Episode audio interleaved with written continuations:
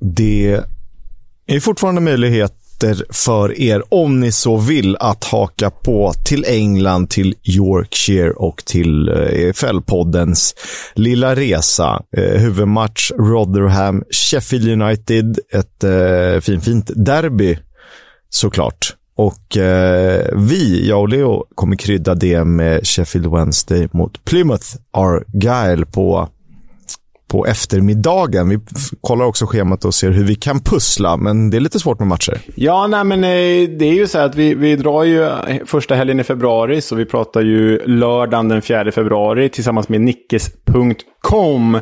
Eh, och eh, ni kan ju gå in på länken i våra sociala medier för att se hela resepaketet där. Men vi kommer alltså flyga dit, eh, eh, åka från Manchester till Sheffield för att se det här derbyt, för att se Sheffield Wednesday mot Plymouth. Och, sen, och det är alltså vägg i vägg på lördagen, så det är en jäkla dunderdag faktiskt. Derby och toppmöte i League One. Och sen ska vi kanske krydda det med en tredje match på söndagen. Eh, det som ingår är ju att vi gör en poddinspelning också förstås, eh, inför eh, våra kära medresenärer och ett quiz. Så vill ni gå på fotboll med oss, eh, podda lite och eh, dricka en pint eller två, då ska ni surfa in på våra sociala medier och följa länken till nickes.com. Så är det. Eh, hur är läget i övrigt, Leo? Men det är bra. Jag sitter i min nyinförskaffade långärmade Vasco da Gama-tröja här. Det har inget alls med The Championship att göra, men jag, jag gör det ändå. Jag bryter en, en, en eh, poddtradition här bara för att eh, den här tröjan är ny. Hur är det själv? Bra. Jag står inte i något fotbollsaktigt överhuvudtaget, men det får vi väl kitta upp oss med på eh, New York Stadium eller eh, Hillsborough. Eh, om vi hinner med allt vi vill göra. Vi har till och med kollat om det är så att vi ska åka direkt från Manchester Airport till The Hawthorns eller eh, arenan där nu Scunthorpe spelar, för de spelar på fredagen. Vi får väl se om vi hinner. Det hade ju varit mäktigt. Um... Jag är fan jävligt sugen på Scania. Alltså. Mäktigt, mäktigt klubbmärke. Men, eh, men det får vi se om det går att lösa. Det kan vara lika mäktigt att sitta eh, på en pub och titta på matchen i goda vänners lag.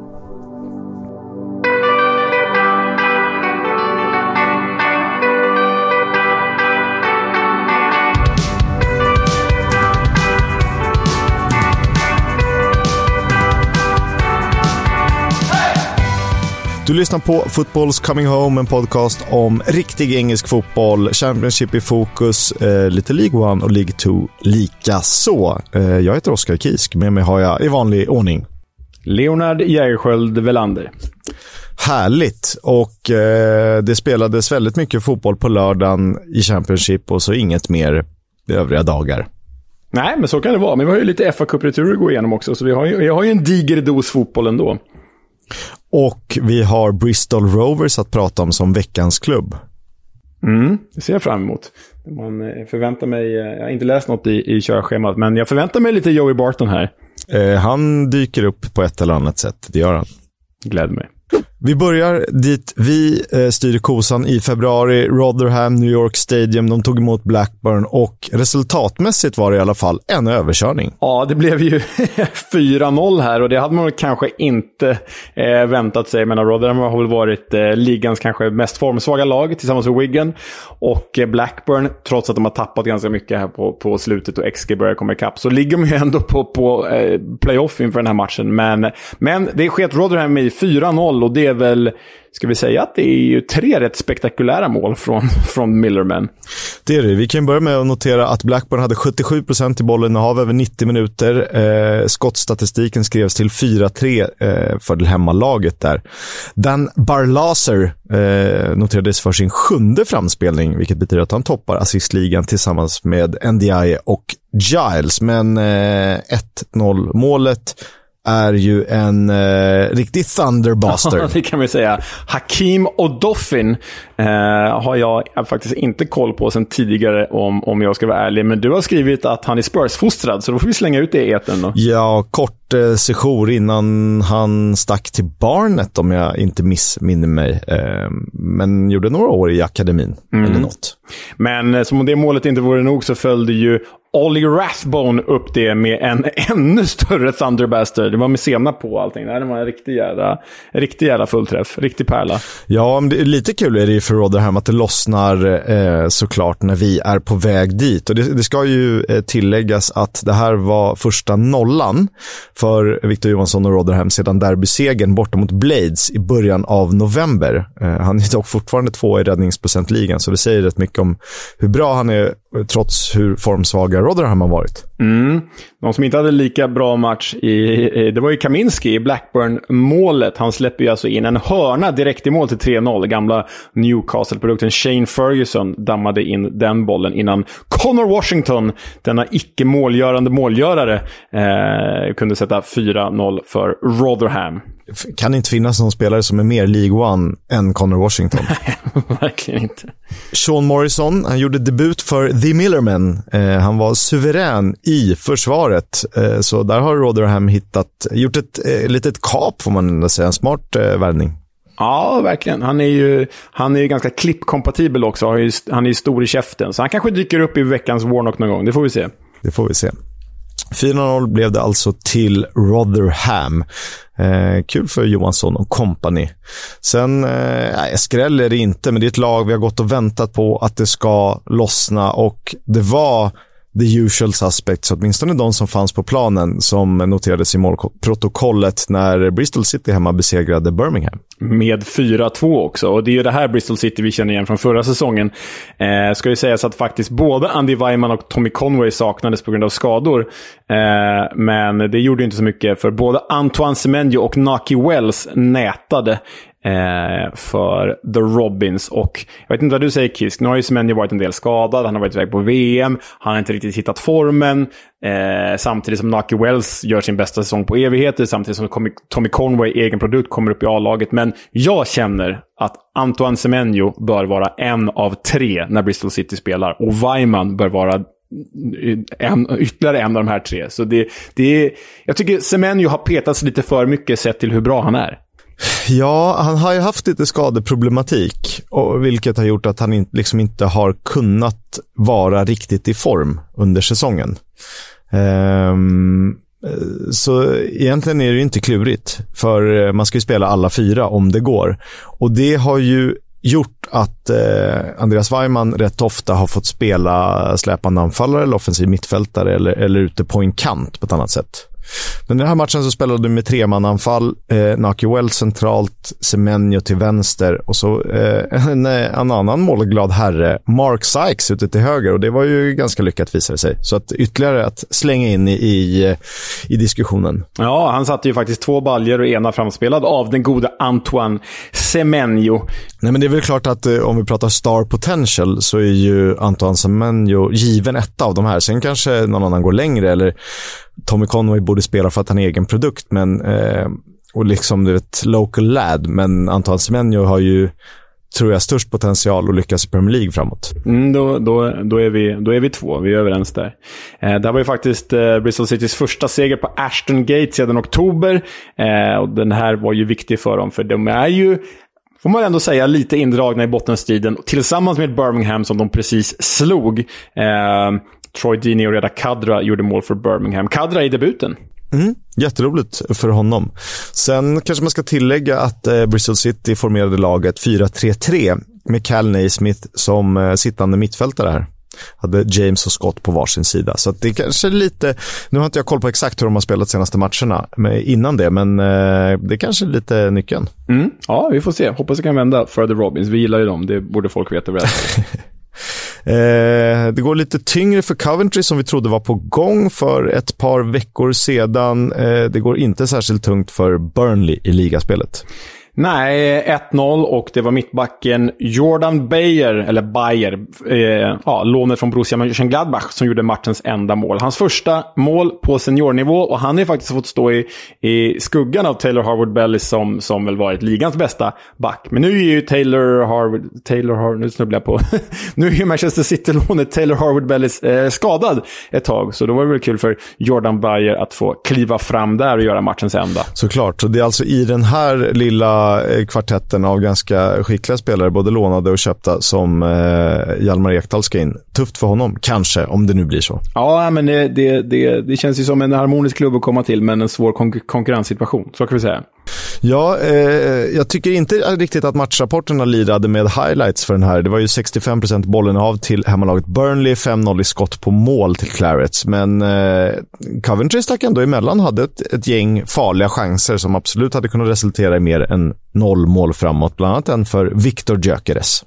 Ja, den han liksom springer förbi både målvakt och försvarare och sen ändå inte får in den. Men Gyökeres fick ju mycket beröm, beröm i engelsk press läste jag och eh, bland annat stod det i The Guardian Eh, uh, he is showing why he's being followed by Burnley and a host of other clubs. Um, det kan ju vara så att Gyökeres faktiskt byter bara från Coventry till Burnley under det här fönstret. Vi får se. Ja, det är ju en av klubbarna som har ryktats eh, vara intresserade. Everton en annan som han ju faktiskt eh, förhandlade med i augusti. Då rann det ut i sanden och de är ju i behov av eh, allt vad krispaket heter. Det här var väl elfte segern på tolv matcher för The Clarets. Vilket mm, var visar Sju raka i ligan också. Ja, Companys kompani är ju eh, sällan skådat mästerverk. De är ju, ja, som vi sa för något avsnitt sedan, bättre än vad Fulham var förra säsongen och de kunde vi inte hylla nog. Ren och skär lögn, Kisk. Ren och skär lögn. Ingen bättre än Mitrovic Fulham.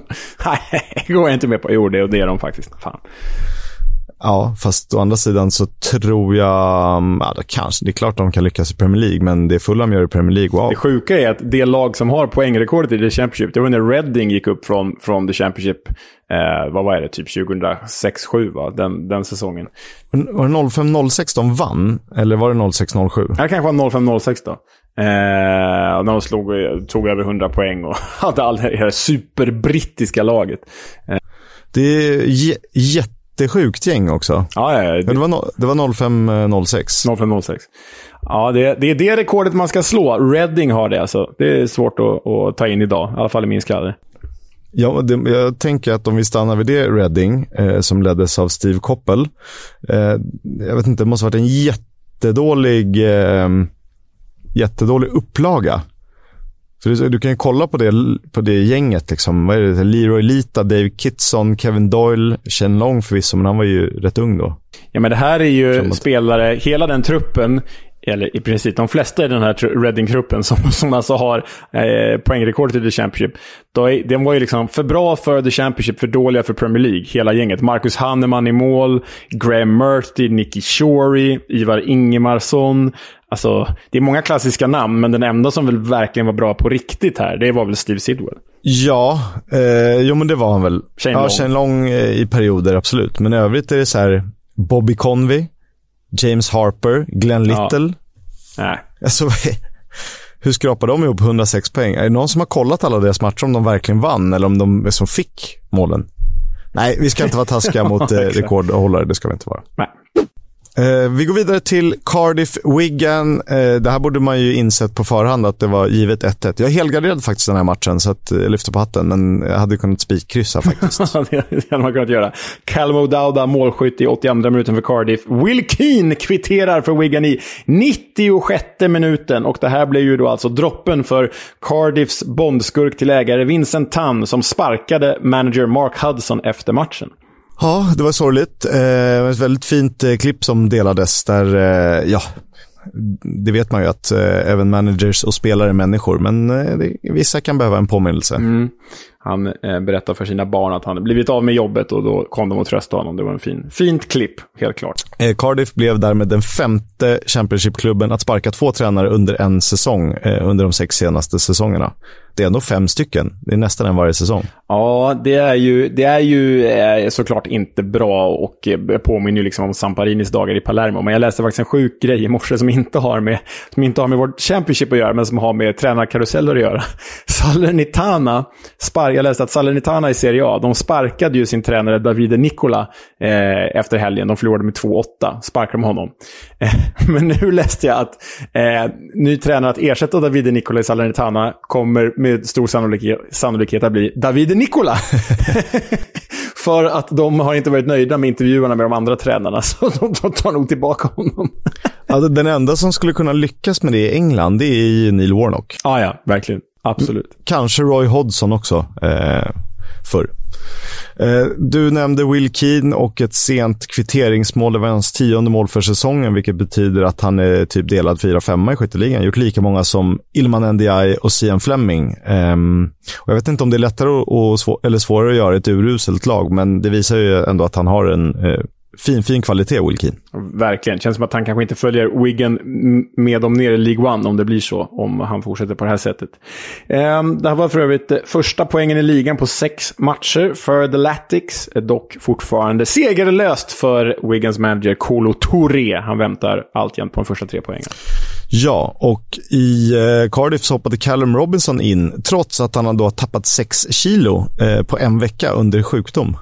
Det är ju riktigt skadligt. Det, och... det är ju sinnessjukt. Alltså, vad har, har man kräkts ut alla inälvor då? Eller? Alltså, det... Jag gissar att han är hyfsad, ja. rip, hyfsat rippad och liksom håller matchvikt. Och ska du ner 6 kilo, han är väl inte, han är inte vansinnigt stor heller. Han är ju typ i min längd, så han kan väl inte väga mer än liksom 75 matchvikt. Nej, nej, den, är, den är svår att ta in. Jag har försökt tappa 6 kilo i sex år nu, det går inte. jag går bara upp jag också.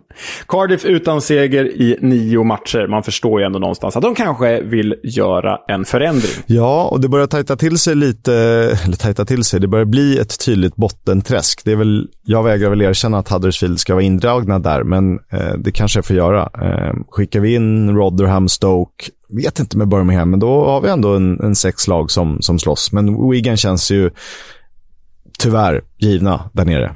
Ja, alltså Wigan och, och, och eh, Blackpool känns ju givna. Eh, de har ju 25 respektive 26 poäng. Och sen är det ju faktiskt bara, ja det är hela vägen upp till, eh, ja, till Bristol i alla fall på 32. Ja, det är ju fan sju lag med den här bottenstriden för tillfället. Sen tror jag att Bristol har för många bra spelare för att kunna bli indragna. Eh, Birmingham gränsfall. Eh, vi får se, det är samma som Stoke. Ja, Stoke ska ju verkligen inte ligga där nere, men det gör de. Huddersfield gästade Hull i helgen, hade behövt tre poäng för att, de hade för inte kunnat klättra över strecket, men de hade kunnat göra tillvaron lite trevligare. Det blev det inte när en, eh, en skytteliga tvåa presenterade sig. Ja, för Oscar Estopinian kvitterade ju med, precis som Will Keane för Wigan, med matchens sista spark. Eh, 98, 98 minuter stod klockan på när Oscar eh, satte kvitteringen mot ett eh, annars eh, defensivt eh, imponerande Huddersfield. Men eh, det var faktiskt för första gången, kanske i karriären, ett snyggt Oscar Estopinian-mål. Ja, det är en läcker lyftning alla Kenneth Andersson light. Ja, eh, det påminner ju lite lätt om eh, Kenneth Andersson-lobben. Jag antar att du tänker på 94 där mot brassarna. Är det den du tänker på, Kisk? Exakt. Eh, en sån smekande lyftning. Ja, men den är, den, är, den är inte lika bra som Kenneth Andersson, men jag köper liknelsen absolut. Eh, och det var ju faktiskt en ganska logisk kvittering också. Tigers hade ju pressat på rätt bra där eh, i slutet. Efter att eh, Mikael Hellick, hade ju lätt länge. Det var ju Mikael Hellick, ny från Barnsley i somras, eh, gav ju gästande eh, Terriers ledningen redan efter 20 minuter. Mm. Han har gjort två mål den här säsongen, båda mot Hall. Det tycker jag var lite roligt. Eh, annars ganska många nya namn i Huddersfield. Ju. Bland annat eh, Premier League-veteranen Matthew Lowton ute till höger. Även Martin Waghorn hoppade in. Eh, samt att Aaron Connolly luftades för eh, Hull. Mm. Kul med lite rutin och eh, extra krydda i de här två lagen. Det kan nog behövas.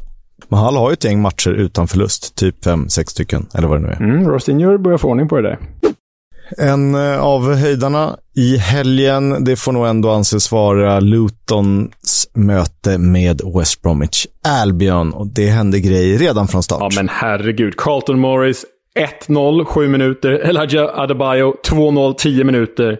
Och ändå vinner West Brom den här matchen. Eh, det är lite som att eh, när de hade sin jättefina start på pappret och i XG-tabellen så gick inga bollar in. Nu är det inga bollar som inte går in. Nej. Det är liksom, eh, ja men allt funkar ju. Ja, nej, det är ju...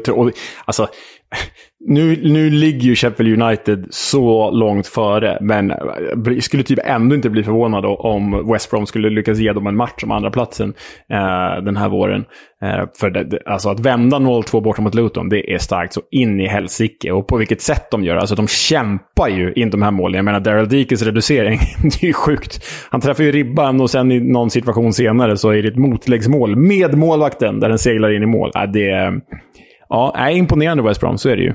Och sen behövde de bara två minuter eh, i andra halvlek. 65, 67, Jason Malambi respektive Connor Townsend eh, fixade vändningen. De gör mål på alla möjliga sätt. De är snygga, de är fula, de är eh, framförallt väldigt viktiga. Eh, på tal om mål då. Elijah Adebayo, som ju var så fin förra säsongen, inte riktigt hittat det, eh, förutom i perioder, korta perioder. Det här var hans första mål sedan 15 oktober då mot QPR. Mm. Och eh, som vi sa då, West Brom uppe på playoff nu, två poäng före just Luton.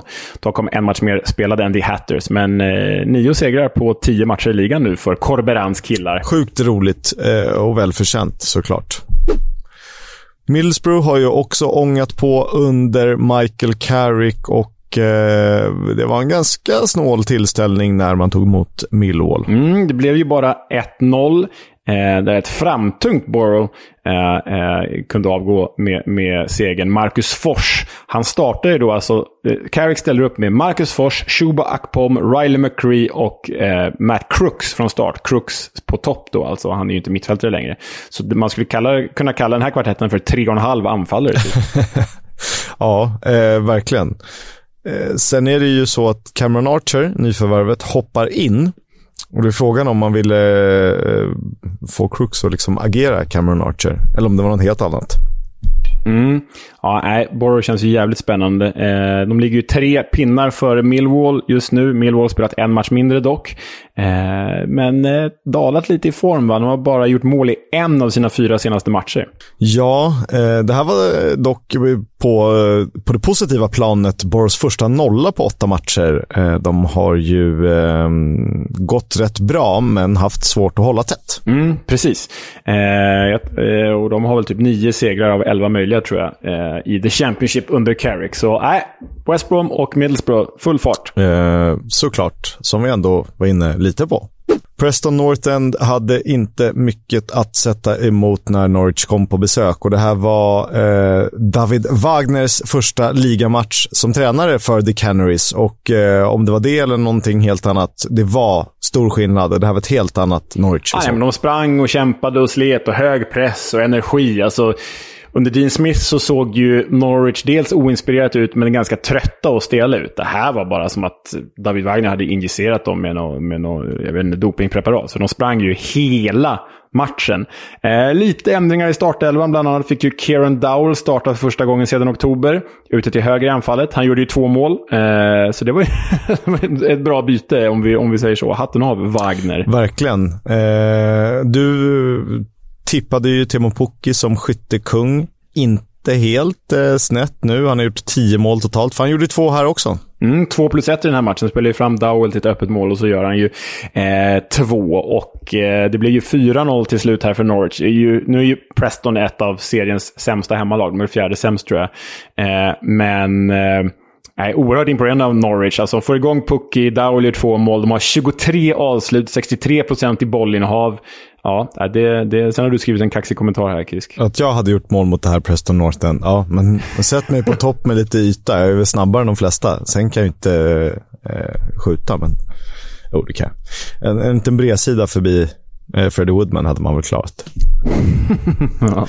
eh, skämt åsido, Liam Delap hoppade in för PNI. Han släpptes ju av Stoke nu i PNI, gjorde alltså debut. Eh, inga poäng från hans fötter alltså. Och eh, PNI har gjort ett mål framåt fem senaste ligamatcherna och inte hållit nollan sedan första november. Nej, och vad är de då? Om de inte längre håller nollan, vad är PNI då? Eh, Preston Belland. ja, bra. Eh, den här hade man ju spikat på kupongen, vill jag bara tillägga. Snyggt.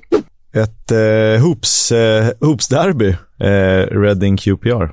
Mm, jag vet inte, jag såg den här matchen eh, och bara slet mitt hår när Jeff Hendrick gjorde både 1 och 2-0 för Reading mot eh, QPR. Jag är ju lite, har ju en liten QPR-förbläss och ni vet att jag gillar ju när det går då jag gillar att driva med Reading. Och när då min absoluta hatspelare i hela serien, Jeff Hendrick, gör 1 och 2-0 för The Royals mot, mot QPR. Nej, då var jag inte så jäkla glad. Men jag blev ju desto gladare efter att Tyler Roberts gjorde två i andra ämnen. 2-2 blev det. Vad, vad har Jeff Henrik gjort dig för ont?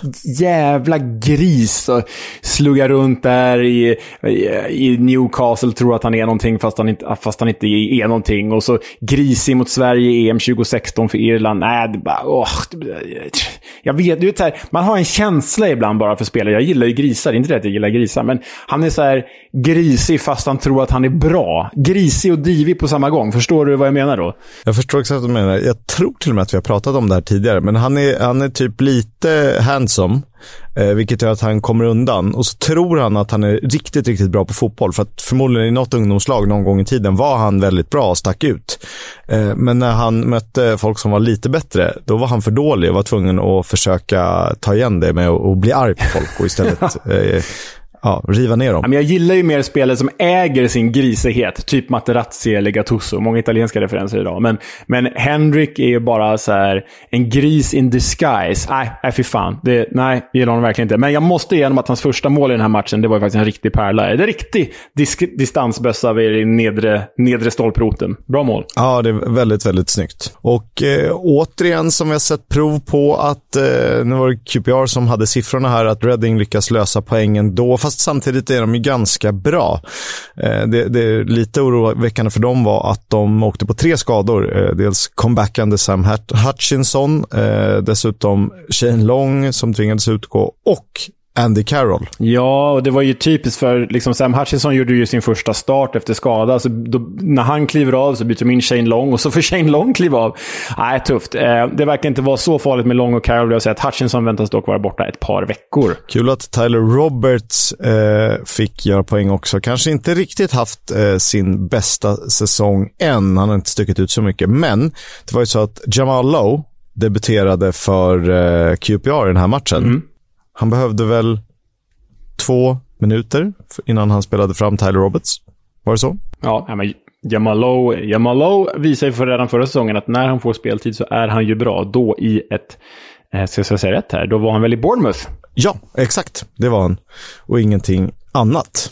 Sheffield United eh, hade inga större problem att eh, avfärda Stoke eh, sett till målen, men eh, det satt längre inne sett till siffrorna. Ja, alltså det slutade ju 3-1 i, i målprotokollet för hemmaspelande Blades. Men Stoke hade chanserna med 9-8. Stoke hade bollinnehavet med 55-45. Men, eh, äh, jag vet inte. Eh, de, alltså målet som Stoke gör, det är ju dessutom ett så inlägg som går för långt, som, som, som inte når någon, Nick Powell. Så även Stoke var väl ändå aldrig nära, i och med att Jaden Bogle gjorde två mål för Sheffield. Han har ju dock flyt på bägge, det tar ju på försvarare bägge målen. Men, men så kan det vara. Ilman, Ilman Ndiaye stod ju för det tredje målet för Sheffield. Det gjorde han och det är väl här det skiljer i kvaliteten. Även om de har flyt på, på eh, målen, Bogles, så är det en kvalitetsskillnad, vilket gör att eh, man sätter sig i situationer där man har en, en större chans att eh, nå framgång, om man ska försöka uttrycka det på no någorlunda vettigt sätt. Ja, ja verkligen.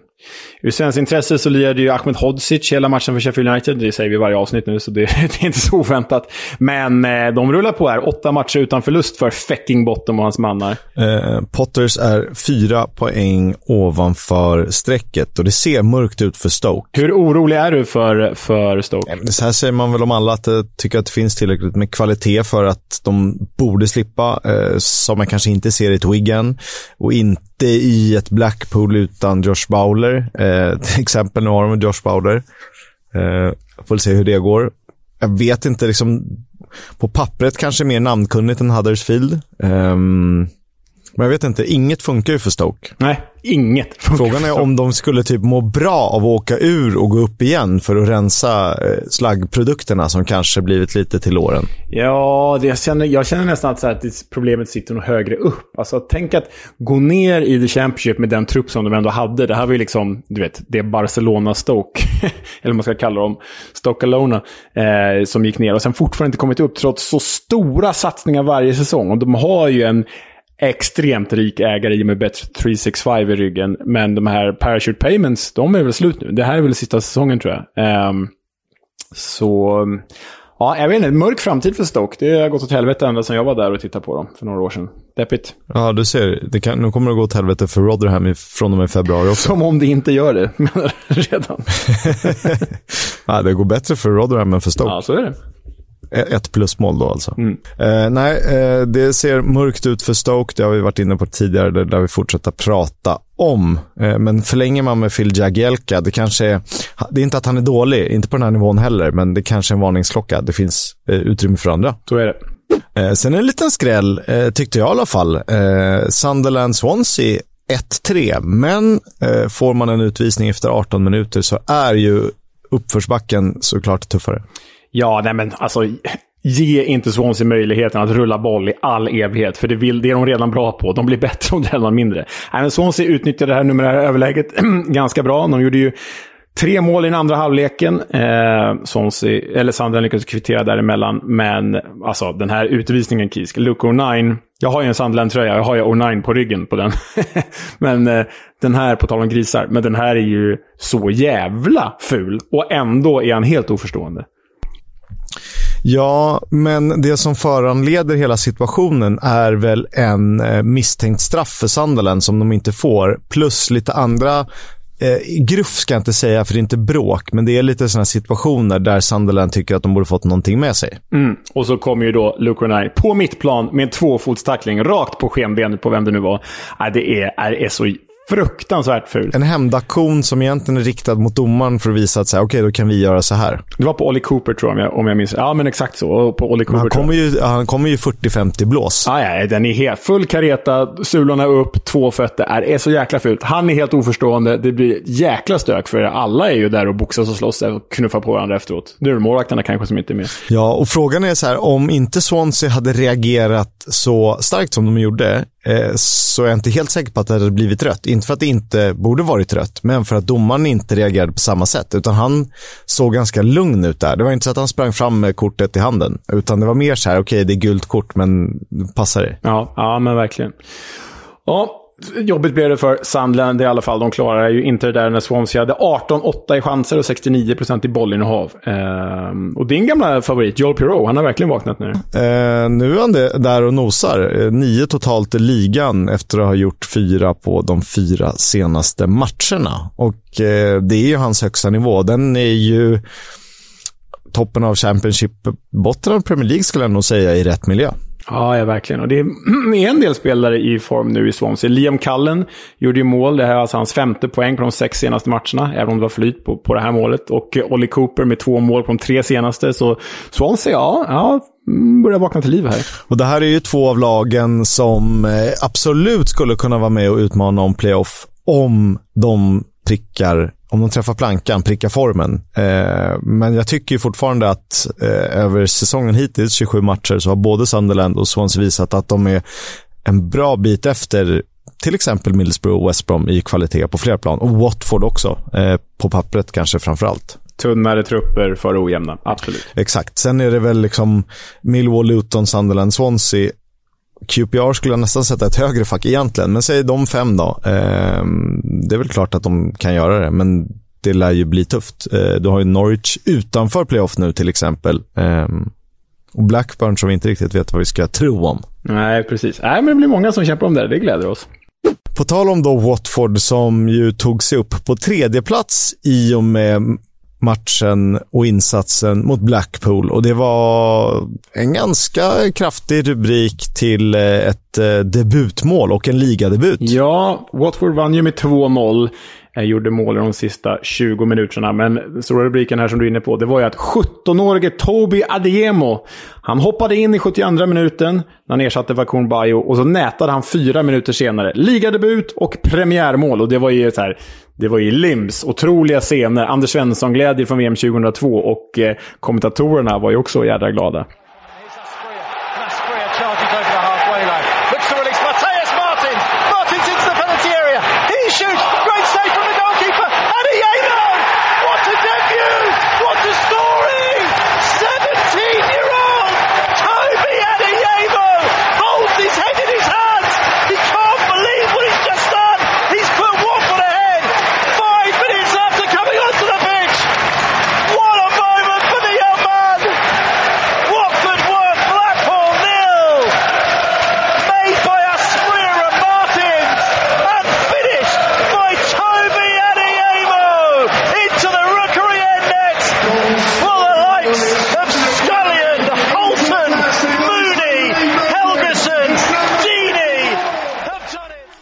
Väl nästan så att han, alla andra var ju lyriska och han själv var chockad. Ja, verkligen så. Eh, nej, men det är sagt, kommentatorn börjar jämföra honom med Troy Deeney och andra, andra liksom, eh, Watford-legendarer.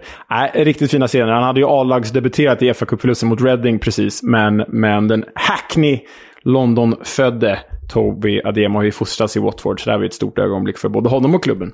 Såklart.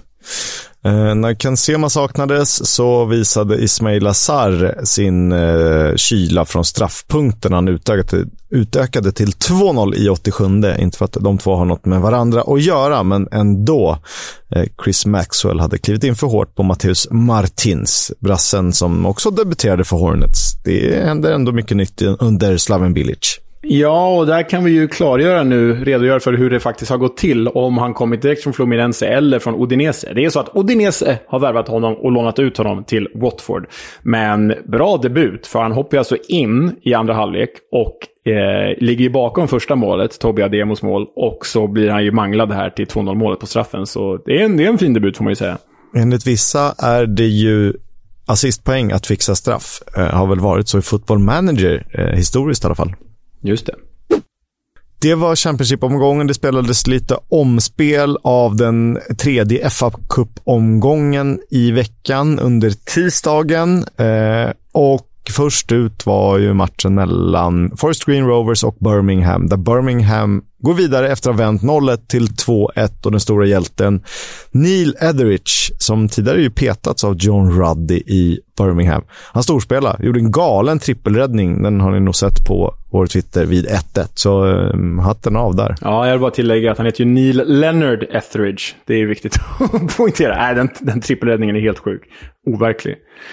Ehm, um, 20-årige Sam Bell egen produkt för övrigt, blev matchvinnare i förlängningen när Bristol City besegrade Swansea i det numera klassiska Severn-vänliga sidan av Severnside-derbyt, eller fågelderbyt som vi kallar det, krystat här i podden.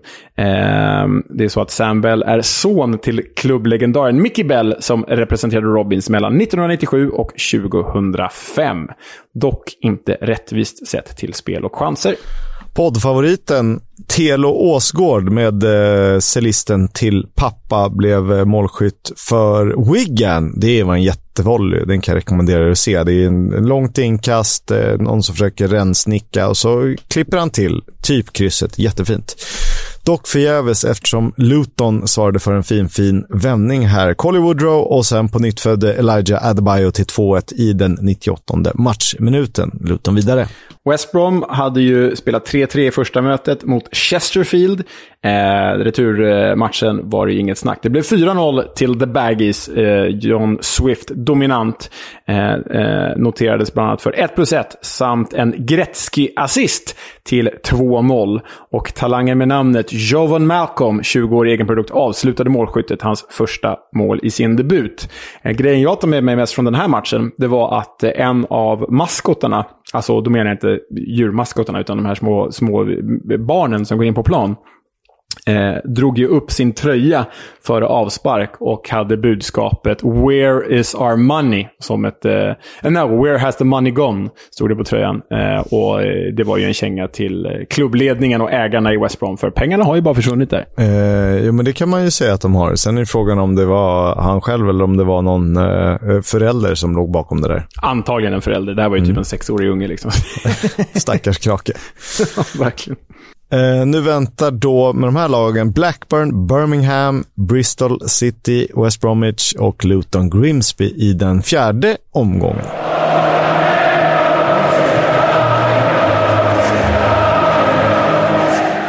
Fotbolls Coming Home sponsras av Stryktipset, ett spel från Svenska Spel, Sport och Casino. För dig över 18 år. Stödlinjen.se.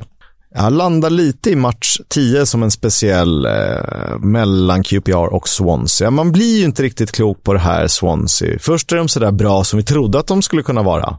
Sen hamnar de i den djupaste av svackor, trots att eh, Joel Perrault presterar eh, som han ska. Och vad bevisar bortaseger mot Sunderland? Att de är på gång? Ja, kanske. QPR fick en skarp förstärkning i Jamal Lowe som absolut kommer att göra offensiv klart bättre. Det tog honom två minuter att göra sin första poäng när han spelade fram Tyler Roberts i helgen. QPR har dock fyra raka utan seger i ligan medan Swansea faktiskt har eh, sex poäng på de tre senaste och i helgen passerade man ju Hoops i tabellen. Ett Hoops som inte presterar i enlighet med kvaliteten på truppen i mitt tycke. Svårbedömt möte här kan det vara värt att gardera.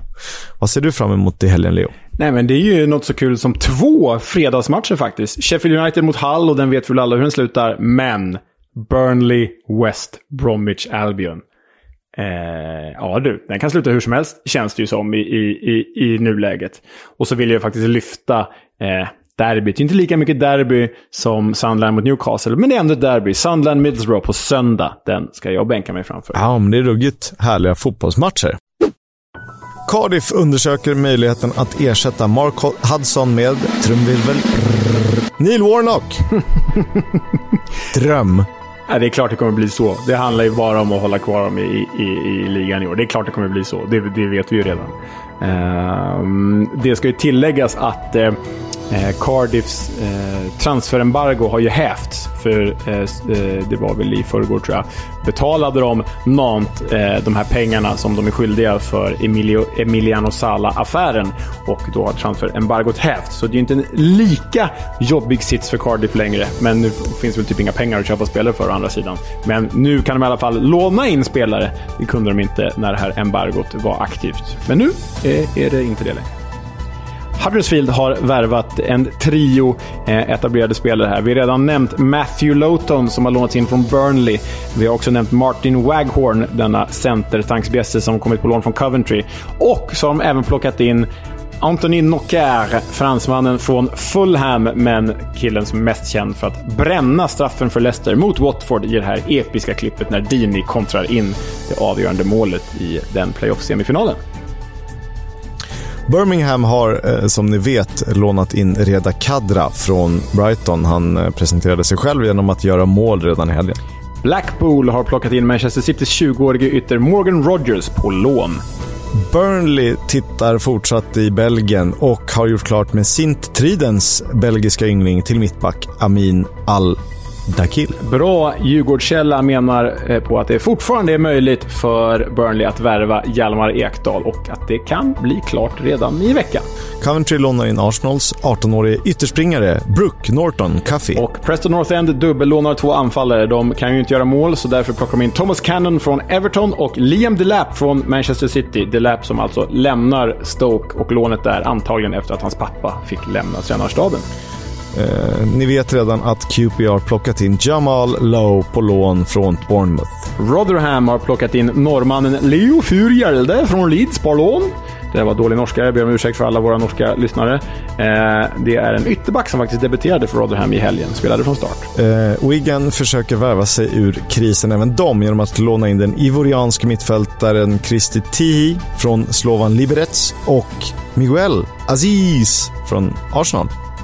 Och sen har Stoke släppt sin frisparksläggande målvakt Joseph Bursick till Scott Parkers klubb Brygge. Bruges! Och med... Bruges. Och med det har det blivit dags för det vi har väntat på så länge nu. Men The Club, Oskar Kisk. Bristol Rovers.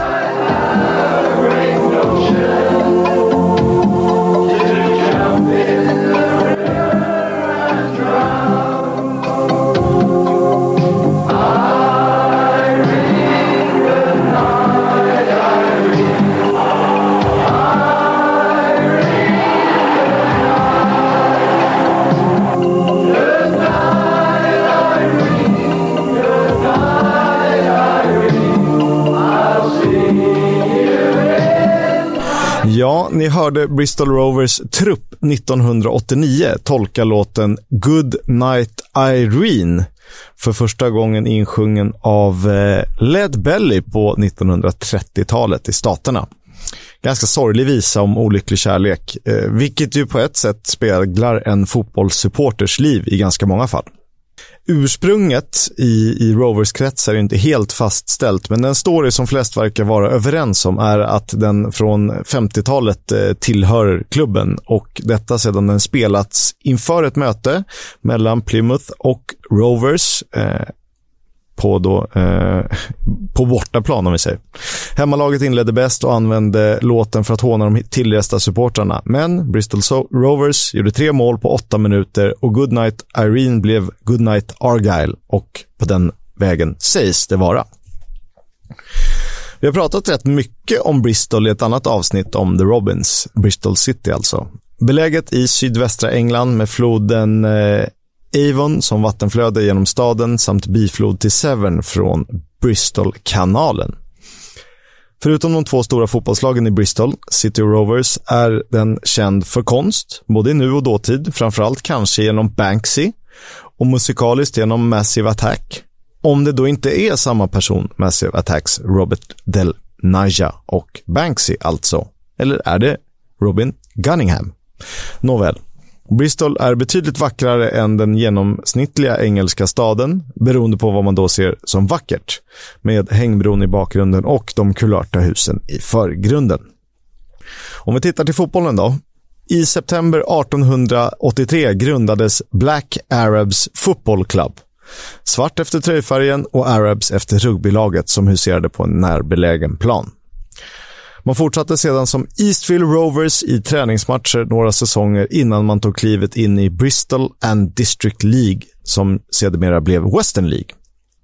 Bristol Rovers tog man först när man skulle bli professionella strax före sekelskiftet. Det blev en ligatitel, Southern League Division 1, 1904-1905, innan man 1920 tog plats i Football League. Det blev sådär 22 säsonger i Division 3 South innan man äntligen vann något och kunde inleda den bana som är mest framgångsrik historiskt i klubben.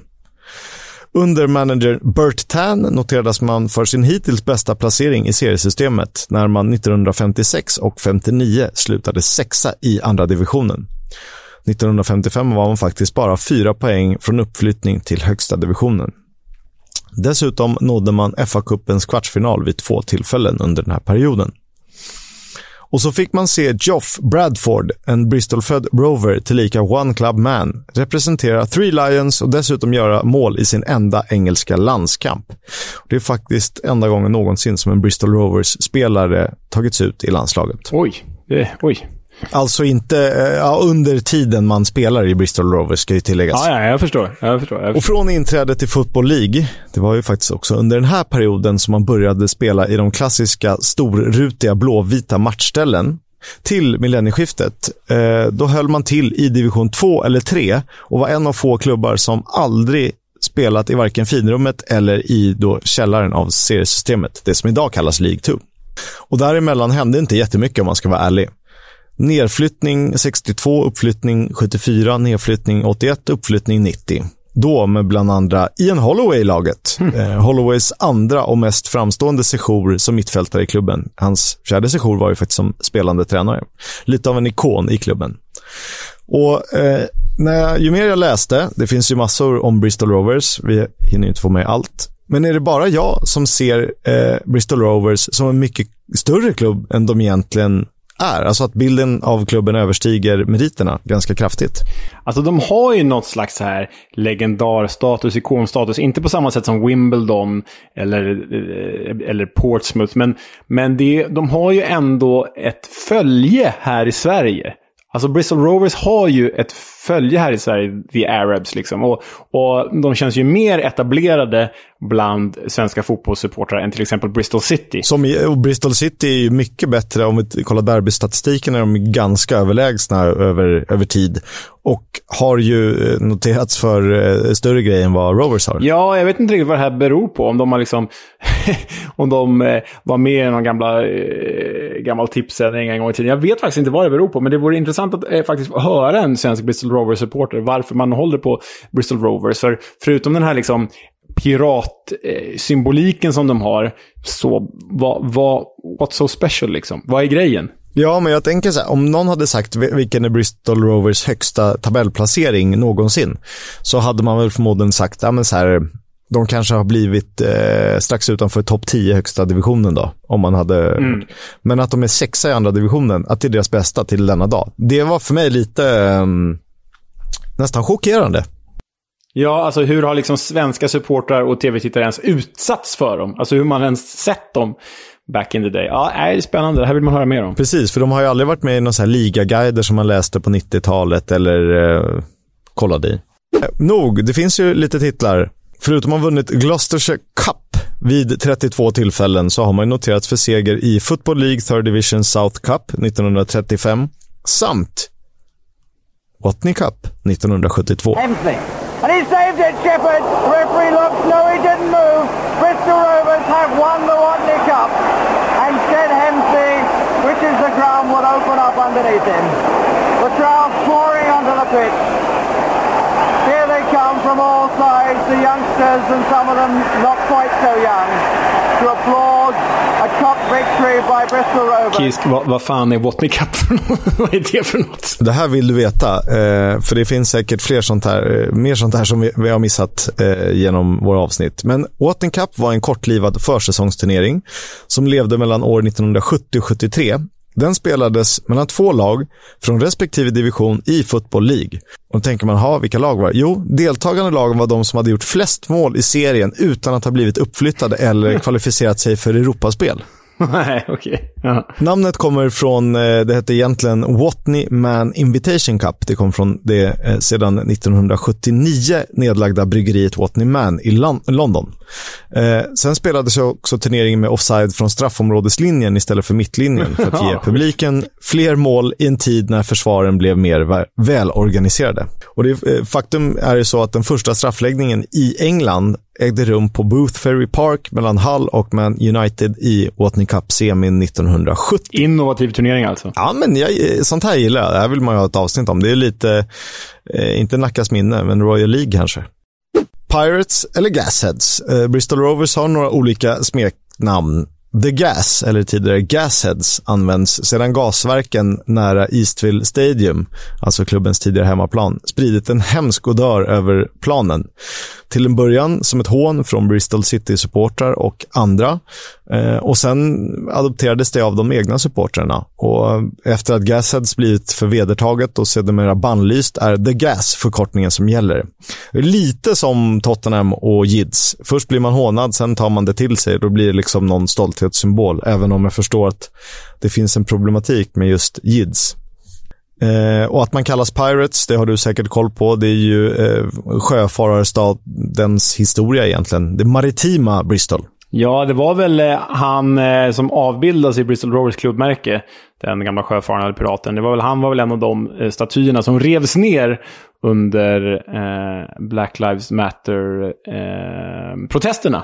Eh, han har väl någon slags slavhandlarhistoria om jag inte missminner mig.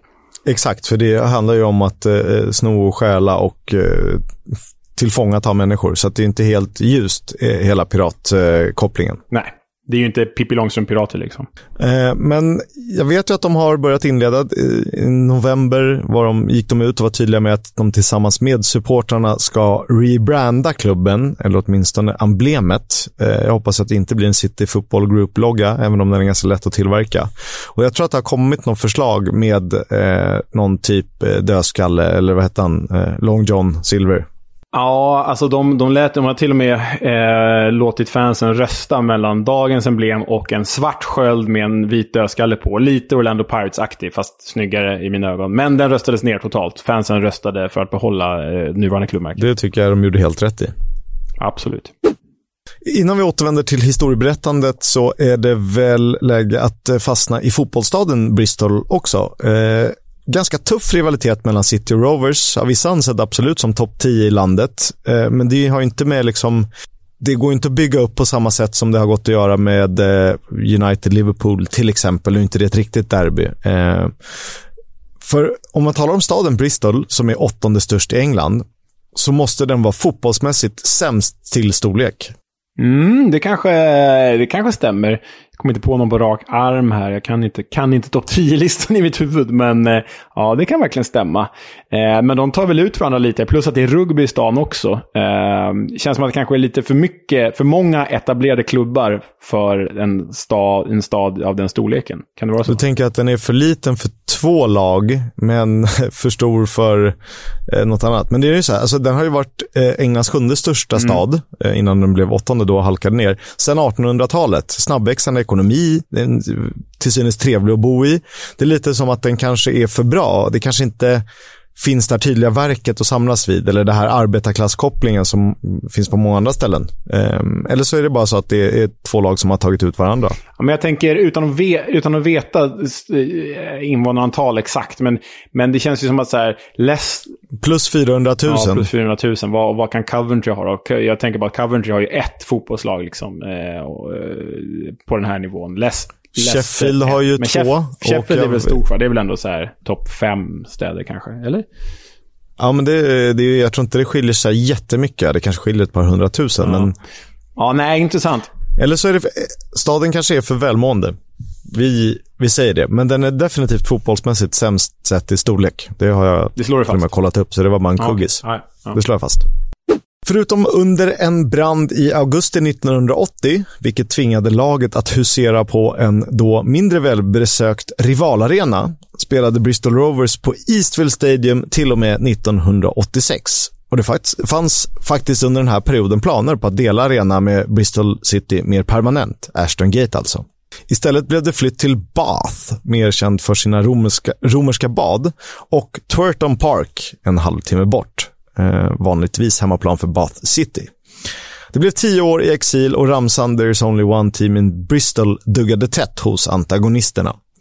Men 1996 flyttade man in på sin nuvarande arena Memorial Ground i folkmun The Mem, som tidigare delades med Bristol, eh, Bristol Rugby, ett lag som numera spelar på Ashton Gate är rörigt i Bristol. Ja, jäklar. Fan vad de håller på. Eh, Rovers fortsatte in i det nya millenniet som jojo-klubb mellan tredje och fjärde divisionen och det höll på att gå illa redan 2002 när man slutade som lag 23 av 24 i third division, numera League 2. Och Det här var faktiskt sista säsongen med endast ett degraderat lag till National League. Från och med 2003 åkte två lag ur, så man klarade sig innan regeländringen. Men det dröjde inte så långt innan den stora smällen kom, 2014. Och så vitt jag vet, trots en ung Tom Lockyer i försvaret, var den sista omgången första gången för säsongen som Bristol Rovers låg på nedflyttningsplats. Äh, fy fan vad jobbigt. Oh. Och de var ju in, inblandade hela säsongen, men aldrig riktigt där nere. Och till slut åkte man faktiskt ur på målskillnad. Tre plusmål sämre än Wickham och degradering till non-League fotboll, fotboll för första gången sedan de anslöt till Football League 1920. Eh, sen blev ju sessionen eh, förhållandevis kort, men trots 91 inspelade poäng och 7-0 i sista matchen blev det ingen direktuppflyttning för Bristol Rovers. Däremot en andra plats och playoff där 1-0 och 2-0 mot Forest Green Rovers innebar en plats i finalen på Wembley mot Grimsby Town. 1-1 efter fulltid banade väg för en oerhört dramatisk straffläggning inför drygt 47 000 åskådare. 1-0, 1-1. 2-1, 2-2. 3-2, Miss Grimsby. Varsitt mål till Oli Mansell med matchbollen. He scores this penalty. He has won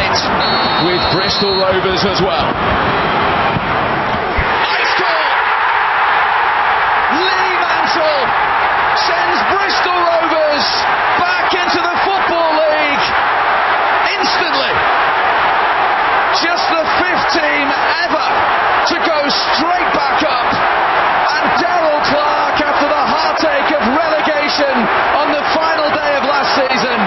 Has the elation... Rovers segrare upp igen i Football League.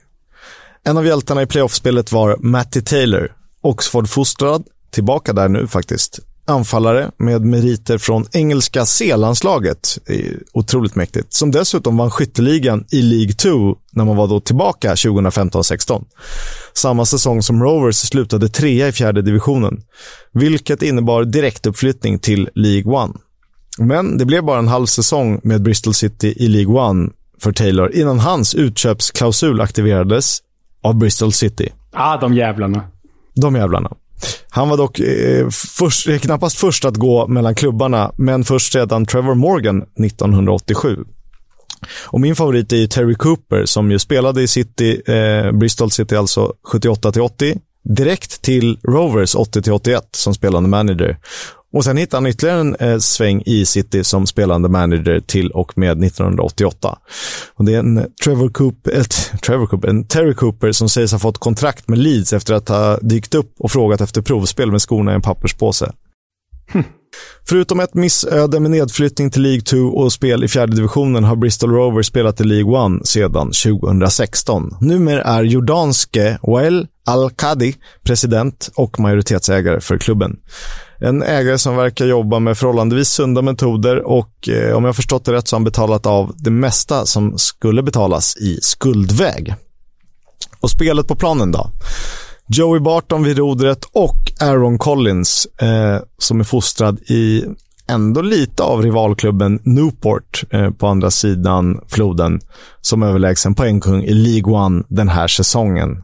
Kanske eh, bara Barry Bannon som är bättre i League 1 den här säsongen och definitivt för bra för tredje divisionen.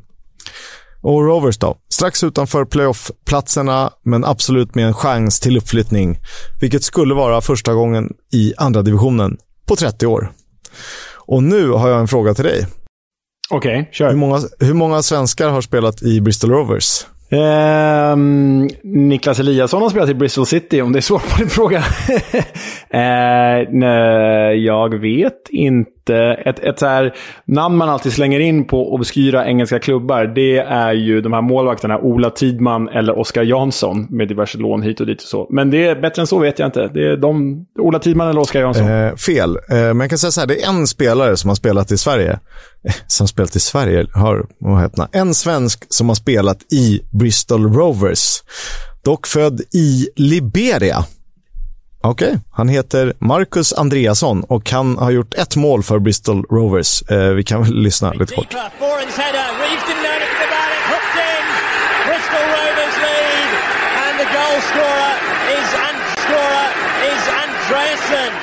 Tydligen en skön liten retur borta mot Swindon Town. Eh, men det är ett sätt att presentera sig.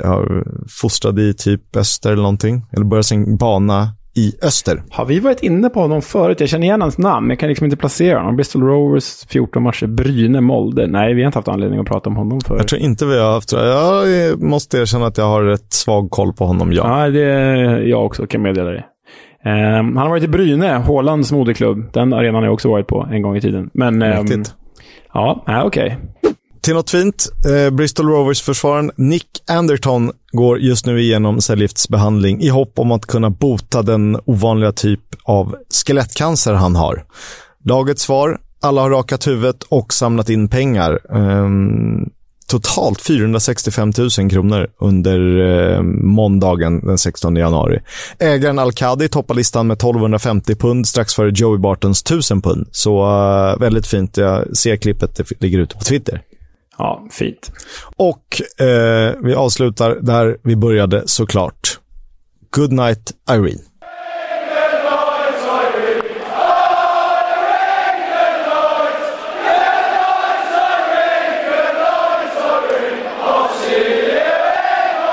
Ja, nej men tack Kisk. Eh, Bristol Rovers alltså.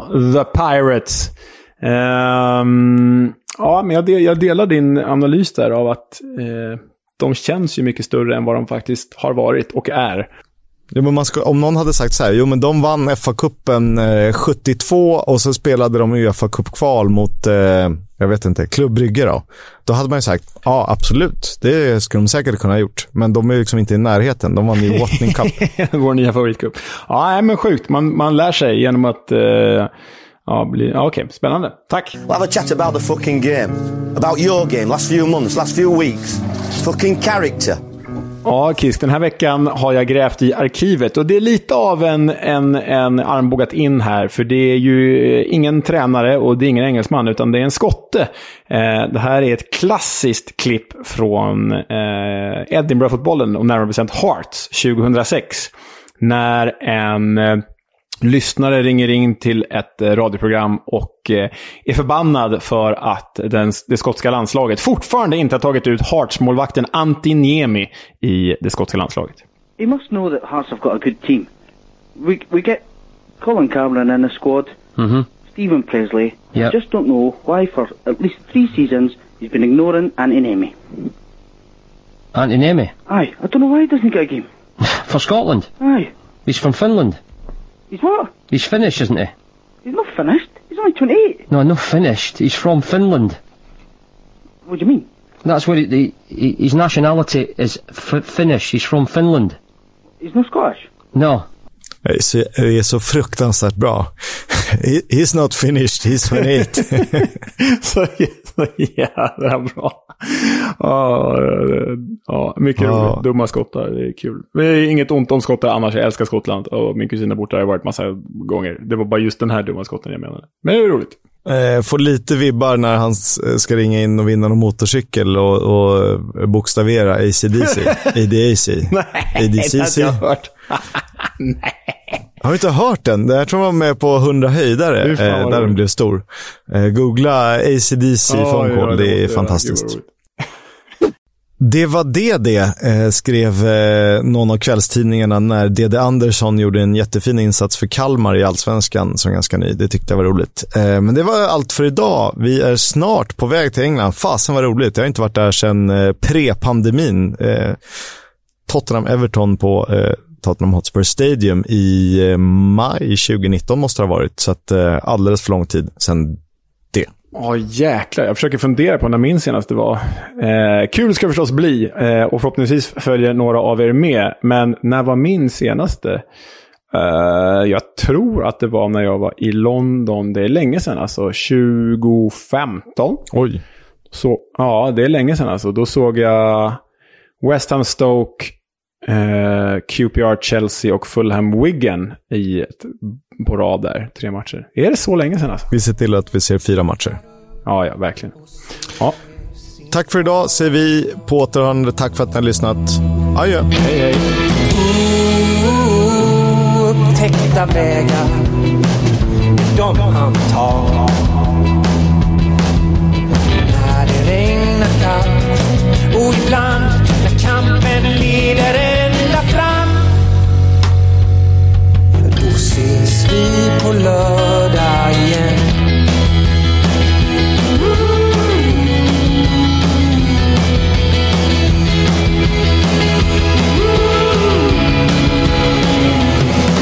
Min son, min son kommer väl aldrig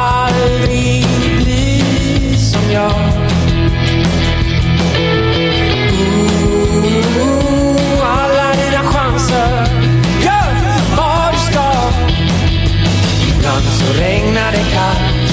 Men till slut leder kampen